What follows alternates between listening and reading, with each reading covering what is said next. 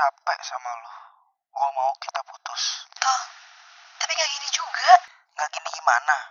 Semua jelas, akhir ini kita berantem terus. Gue udah capek, Mac. Udahlah. Toh, bentar-bentar. Bentar gimana? Gue udah muak sama semuanya, Mac. Udahlah, kita selesai aja. Masing-masing aja. Udah gak bisa lagi. Hubungan yang kayak gini tuh ditahan-tahan lagi. Bikin nyiksa tau gak? Tapi kan, Tapi apa lagi?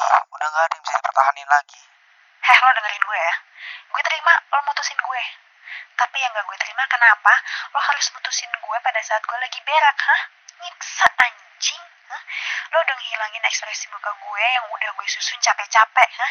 Tahu gak sih, berak gue kali ini udah nyiptain mahakarya dengan tidak terputus sepanjang 30 cm tai gue. Gila, gara-gara lo mahakarya gue gagal. Udah deh, gila lo. Semuanya terserah lo. Lo mutusin gue, gue terima. Gue gak terima lo mutusin gue di saat gue lagi berak. Tapi kan, Tapi, tapi, tapi apa lagi ya? Udah jelas lo salah.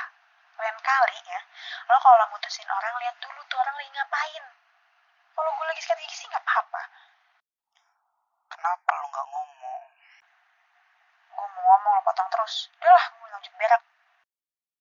Pernah nggak ngerasa kayak berjasa kepada seseorang? Terus suatu saat kita nggak butuh dia, cuman pengen nyapa doang, telepon, eh di reject, bukan nggak diangkat. Tapi lagi berak.